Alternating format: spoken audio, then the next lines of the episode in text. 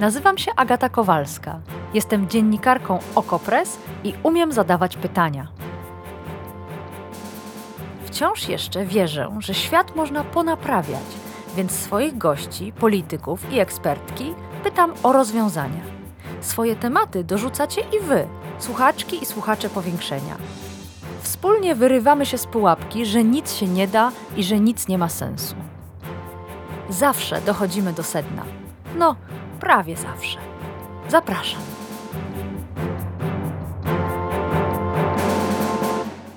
W poniedziałek wszystkich nas zmroziła informacja, że ukraińskie miasta są bombardowane. Rosyjska agresja to był barbarzyński, użyjmy tego słowa, barbarzyński odwet za most krymski oczywiście. Upokorzony Putin postanowił znowu mordować ukraińskich cywilów, zmieniać ich domy w gruzy, odcinać od prądu i od wody. Znowu, bo przecież taki był początek tej wojny. Niszczenie ukraińskich miast 24 lutego. Ten atak rakietowy trwał cały poniedziałek, a i tak dość wcześnie pojawiły się pierwsze nieśmiałe komentarze, że Putinowi tych rakiet w końcu zabraknie. Dzisiaj w powiększeniu przyjrzymy się tym nadziejom. Przyjrzymy się oczywiście faktom, ale też białym plamom. Białym plamom w naszej wiedzy na temat zasobów rosyjskiej armii. Drugą reakcją na poniedziałkowe bombardowania była wzmożona akcja dyplomatyczna strony ukraińskiej, by uzyskać większą ochronę antyrakietową z pomocą dostaw z Zachodu. Pytanie, czy Ukraina zdoła zbudować tarczę antyrakietową? Czym taka tarcza w sumie miałaby być? I czy Ukraina jest w stanie skutecznie ochronić swoje miasta? O tym wszystkim porozmawiam dzisiaj w powiększeniu z jednym z Waszych ulubionych gości i autorów Okopres. Zapraszam. A gościem powiększenia jest Witold Głowacki, dziennikarz Okopres i autor cyklu Sytuacja na froncie, który publikujemy dla Was od 24 lutego. Dzień dobry, Witku. Dzień dobry, Agato, dzień dobry Państwu. Zacznijmy więc od Putina. Czy te rakiety, którymi on zasypuje większe i mniejsze ukraińskie miasta, mordując mieszkanki i mieszkańców, to jest broń produkcji rosyjskiej?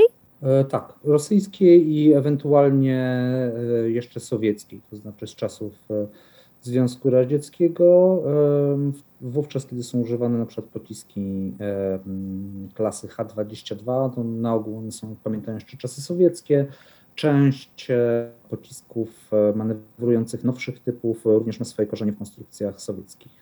No, właściwie wszystkie. Jednakże wyjątkiem są drony z gatunku amunicji krążącej, potocznie nazywane dronami samobójcami. To są drony szachet e, z rodziny szachet produkcji irańskiej.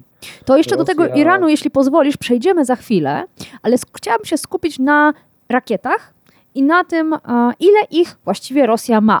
W internecie, jak to w internecie, toczone są niesamowicie długie dyskusje z których ja, dyletantka, jeśli chodzi o militaria, połowy nie rozumiem, ale na szczęście zawsze mogę liczyć na słuchaczki i słuchaczy powiększenia. Państwo jak zwykle zareagowali na moją zapowiedź na Twitterze. Między innymi pan Wojciech sam nie napisał, co myśli, ale przytoczył cudzą opinię, z którą chyba się zgadza. I ta opinia brzmi: Rosjanie mają jeszcze rakiet na 4 do 6 miesięcy codziennych ostrzałów, takich jak te przez ostatnie dni. Prawda, nieprawda, czy nie wiemy?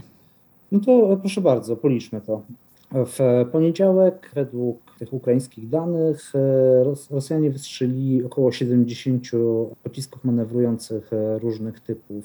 70 razy 30 to jest 2100, czyli tyle kosztowałoby utrzymywanie tego ostrzału przez miesiąc. Jeżeli pomnożymy to przez 6 miesięcy, oznaczałoby to, że Rosjanie musieliby mieć w zapasie 12 600 pocisków manewrujących. Co jest oczywiście żartem, absurdem i liczbą z sufitu, ponieważ e, wątpię, aby całe NATO dysponowało podobnymi liczbami. To są po prostu liczby z kosmosu. No to ile oni tych rakiet naprawdę mają? I czy są w stanie na bieżąco produkować kolejne? To znaczy w tym zakresie jesteśmy w stanie, tego ile oni tych rakiet mają, jesteśmy w stanie opierać się wyłącznie na szacunkach. Na szczęście te szacunki dokonują bardzo poważne instytucje, jak choćby brytyjski wywiad, który, e, którego szef e, we wtorek bodajże e, dość mocno skonstatował, że według wszystkich oznak te zapasy pocisków manewrujących i balistycznych jednak się wyczerpują. Podobne zdanie ma Institute for Study of War, podobne zdanie ma wielu innych e, ekspertów. Bardzo poważni polscy eksperci, na przykład już latem szacowali, że pociski e, manewrujące są e, w rosyjskim arsenale na wyczerpaniu.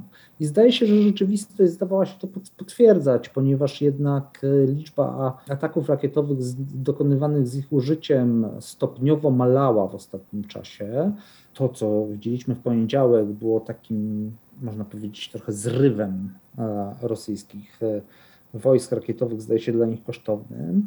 Coraz częściej pojawiały się w użyciu bardzo przestarzałe pociski, właśnie H-22 e, z no, czasów takich już mocno sowieckich, które są w ogóle pociskami przeciwokrętowymi, opracowanymi w samych założeniach do przenoszenia głowic jądrowych. W tym wypadku to nie ma nic wspólnego z głowicami jądrowymi, ponieważ one przenoszą ładunki konwencjonalne, po prostu dostosowano je do tego, ale rzecz w tym, że one były pociskami przeciwokrętowymi wyposażonymi w głowicę jądrową, które miały działać w ten sposób, że e, miały po prostu niszczyć całe zgrupowanie okrętów one były celne do wykonywania tego zadania, ale w wypadku, kiedy mówimy o uderzeniu głowicą jądrową w zgrupowanie okrętów, to czy ten pocisk spadnie dokładnie w celu, czy 100 metrów dalej, nie ma najmniejszego znaczenia. To znaczy, efekt będzie dokładnie ten sam. Używanie ich dzisiaj jako namiastki broni precyzyjnej z ładunkami e, konwencjonalnymi no kończy się z tym, że to jest, to jest um,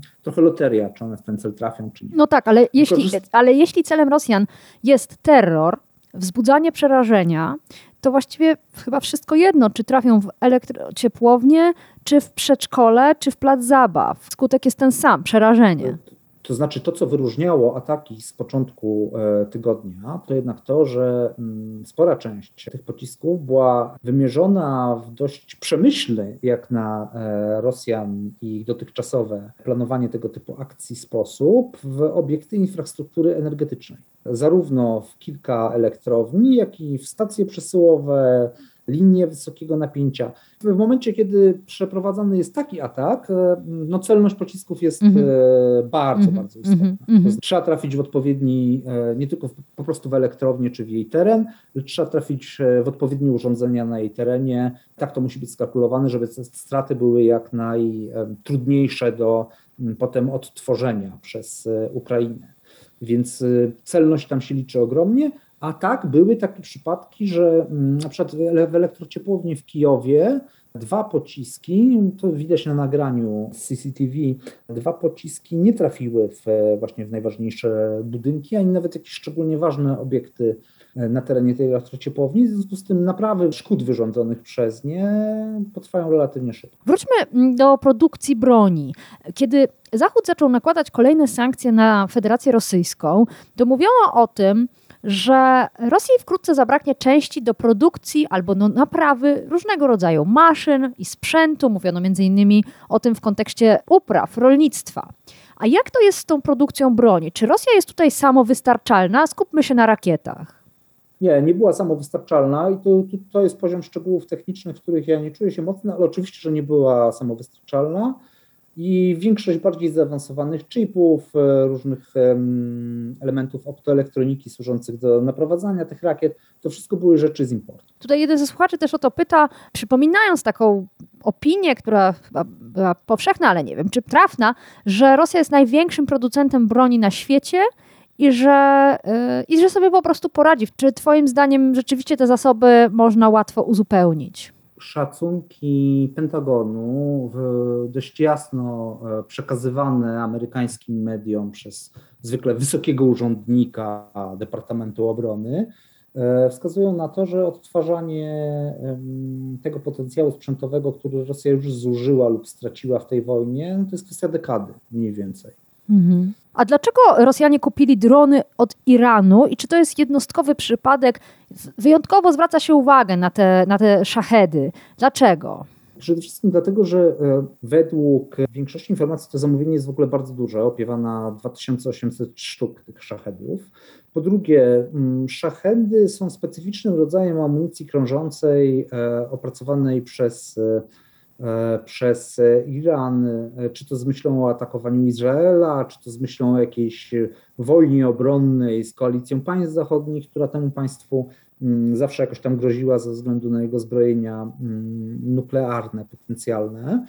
E, czy też na e, relacje z częścią e, sąsiadów, one mają dość duży zasięg, rzędu przekraczający 2000 kilometrów.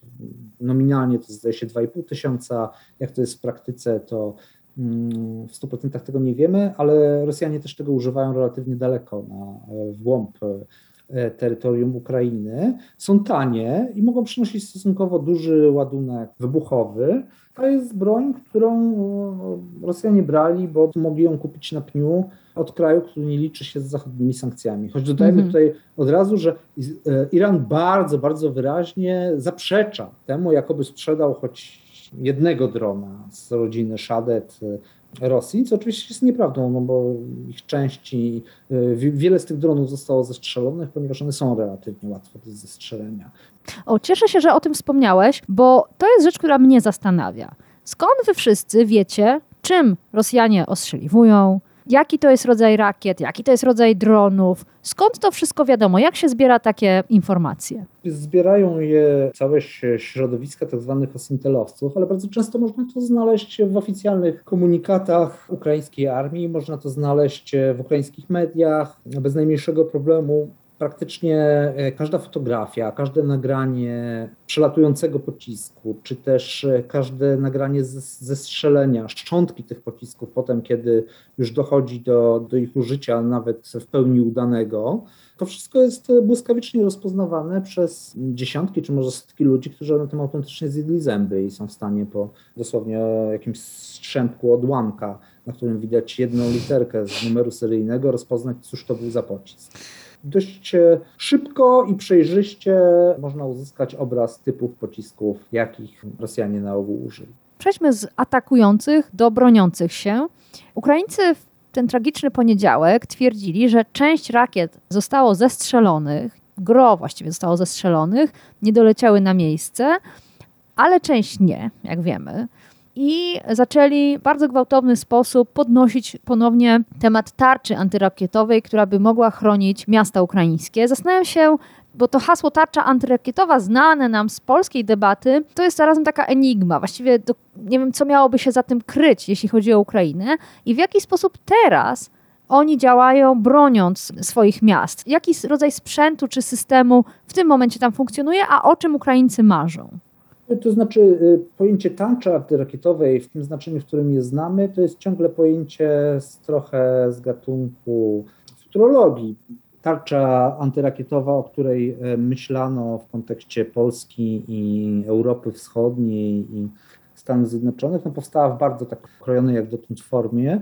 Oczywiście w wypadku Ukrainy nie o to chodzi. Chodzi o skuteczną, e, możliwie skuteczną e, obronę przeciwlotniczą i antyrakietową e, dużych miast i dlatego to pojęcie tarczy antyrakietowej dla Ukrainy trzeba traktować trochę w cudzysłowie. Mm -hmm. Niemniej tego typu sprzęt odgrywa bardzo istotną rolę w obronie przeciwlotniczej Ukrainy i teraz. Zauważmy, że bez tych najnowocześniejszych systemów, jeszcze przez dostarczeniem jakiegokolwiek z nich, w ostatni poniedziałek Ukraińcy byli w stanie zestrzelić około połowy wystrzelonych przeciwko celom w tym kraju pocisków manewrujących. Mhm. To jest bardzo, bardzo, bardzo wysoki wynik. Mhm. Jeszcze pan Andrzej, nasz słuchacz, ile Ukraina musiałaby mieć systemów przeciwlotniczych, IRIS, NASMAS i tym podobnych, by zabezpieczyć miasta i infrastrukturę krytyczną? No, odpowiedź oczywiście brzmi jak najwięcej. To znaczy, życzmy Ukrainie tego, żeby otrzymała ich dziesiątki. Na razie tak naprawdę otrzymała jeden, o czym poinformowały w poniedziałek Niemcy. Sam fakt poinformowania o tym w poniedziałek miał zapewne związek z tym, że w wyniku rosyjskiego ostrzału trafiony został również wieżowiec, w którym było niemieckie biuro wizowe, ale ta decyzja o transporcie musiała zapaść wcześniej, bo bardzo szybko pojawiły się pierwsze zdjęcia zestawu Iris-T, który już był na Ukrainie więc e, to jest raczej niemożliwe, żeby on został przetransportowany w kilka godzin, musiałby być po prostu spakowany i mm, czekać gdzieś przy samolocie na swoją kolej. Raczej już był chwilę wcześniej na terenie Ukrainy, a może w Polsce, w Rzeszowie, mm, może gdzieś drogą lądową był transportowany, ale taki e, pierwszy system Ukraina otrzymała właśnie w ostatnich dniach, tak to nazwijmy, i ma dostać w bardzo szybkim tempie również dwa zestawy NASEMS od e, Stanów Zjednoczonych, a docelowo 6 lub 8, zależy jak liczyć, w zależności od deklaracji. Niemcy z kolei obiecali cztery te zestawy Iris-T. To już wystarczyłoby na całkiem sporo, to znaczy Jeden taki zestaw skład, to jest bateria. Mm, bateria składająca się z trzech wyrzutni. Każda z tych trzech wyrzutni ma na swoim pokładzie sześć gotowych do odpalenia rakiet. Do tego mamy pojazd naprowadzania i e, dowodzenia zarazem, który jest w stanie kierować jednocześnie ogniem całej baterii, czyli e, łącznie tymi 18 odpalonymi e, rakietami symultanicznie. To znaczy każda z nich może być naprowadzana na inny cel. Na tym polega też e, właśnie stopień zaawansowania tego systemu i to dlaczego on jest tak cenny. Mhm. Wprowadzenie takiej baterii do jednego miasta, bo nie jest opłacalne próbować dzielić taką baterię i nie wiem, każdą wyrzutnię rozmieścić w kompletnie innym miejscu. One wszystkie razem powinny pozostawać e, w zasięgu tego swojego pojazdu dowodzenia, ale każda z tych wyrzutni może bez problemu znajdować się w odległości do 20 km od tego pojazdu dowodzenia, a z kolei zasięg rakiet sięga 40 km. Więc z pomocą takiej jednej baterii można bardzo wydatnie wzmocnić e, obronę przeciwlotniczą dużego ukraińskiego miasta, czy to Kijowa, czy Karchowa, czy tym bardziej e, mniejszych miast, e, na całej jego przestrzeni. W połączeniu z e, dotychczas, dotychczas używanymi środkami najróżniejszych typów, od e, właśnie OS czy buków, e, aż po zestawy Manpads, bo mieliśmy też przykłady zestrzelenia pocisków manewrujących, przepięknie sfilmowany przez ukraińskich żołnierzy był przykład, jak pocisk manewrujący został w trakcie tego, tego ostatniego ataku zestrzelony z pomocą zestawu przeciwlotniczego ręcznego igła, pamiętającego jeszcze sowieckie czasy. To był film, na którym jeden żołnierz krzyczał do tego obsługującego, Wania dawaj, no i Wania dał i zestrzelił ten pocisk. Mamy jeszcze jedno pytanie od słuchacza. Pan Grzegorz chciałby wiedzieć, od kiedy zajmujesz się tematyką militarną. To już na koniec. Rozumiem, że pan Grzegorz nie jest pewien, czy jesteś właściwą osobą na właściwym miejscu w tym podcaście. Po pierwsze, panie Grzegorzu, ja też nie e, jestem pewien, czy jestem właściwą e, osobą na właściwym miejscu. E, I oczywiście to prawda, że ja jestem dziennikarzem politycznym i tym się przede wszystkim w dziennikarstwie zajmuję. Mm, ale nie wiem, może odrobinę przyjemności zrobi panu Grzegorzowi ten oto fakt, że pierwszy artykuł, jaki opublikowałem w życiu, a miałem wtedy 18 lat, ukazał się w e, magazynie, który nazywał się Militarny Magazyn Specjalny Komandos. Jak pan Grzegorz chce, to może się wybrać do Biblioteki Narodowej i powertować roczniki militarnego magazynu specjalnego Komandos to może było jakiś 96 rok, kiedy to się ukazało, a może 95, a może 97, mm, nie mniej.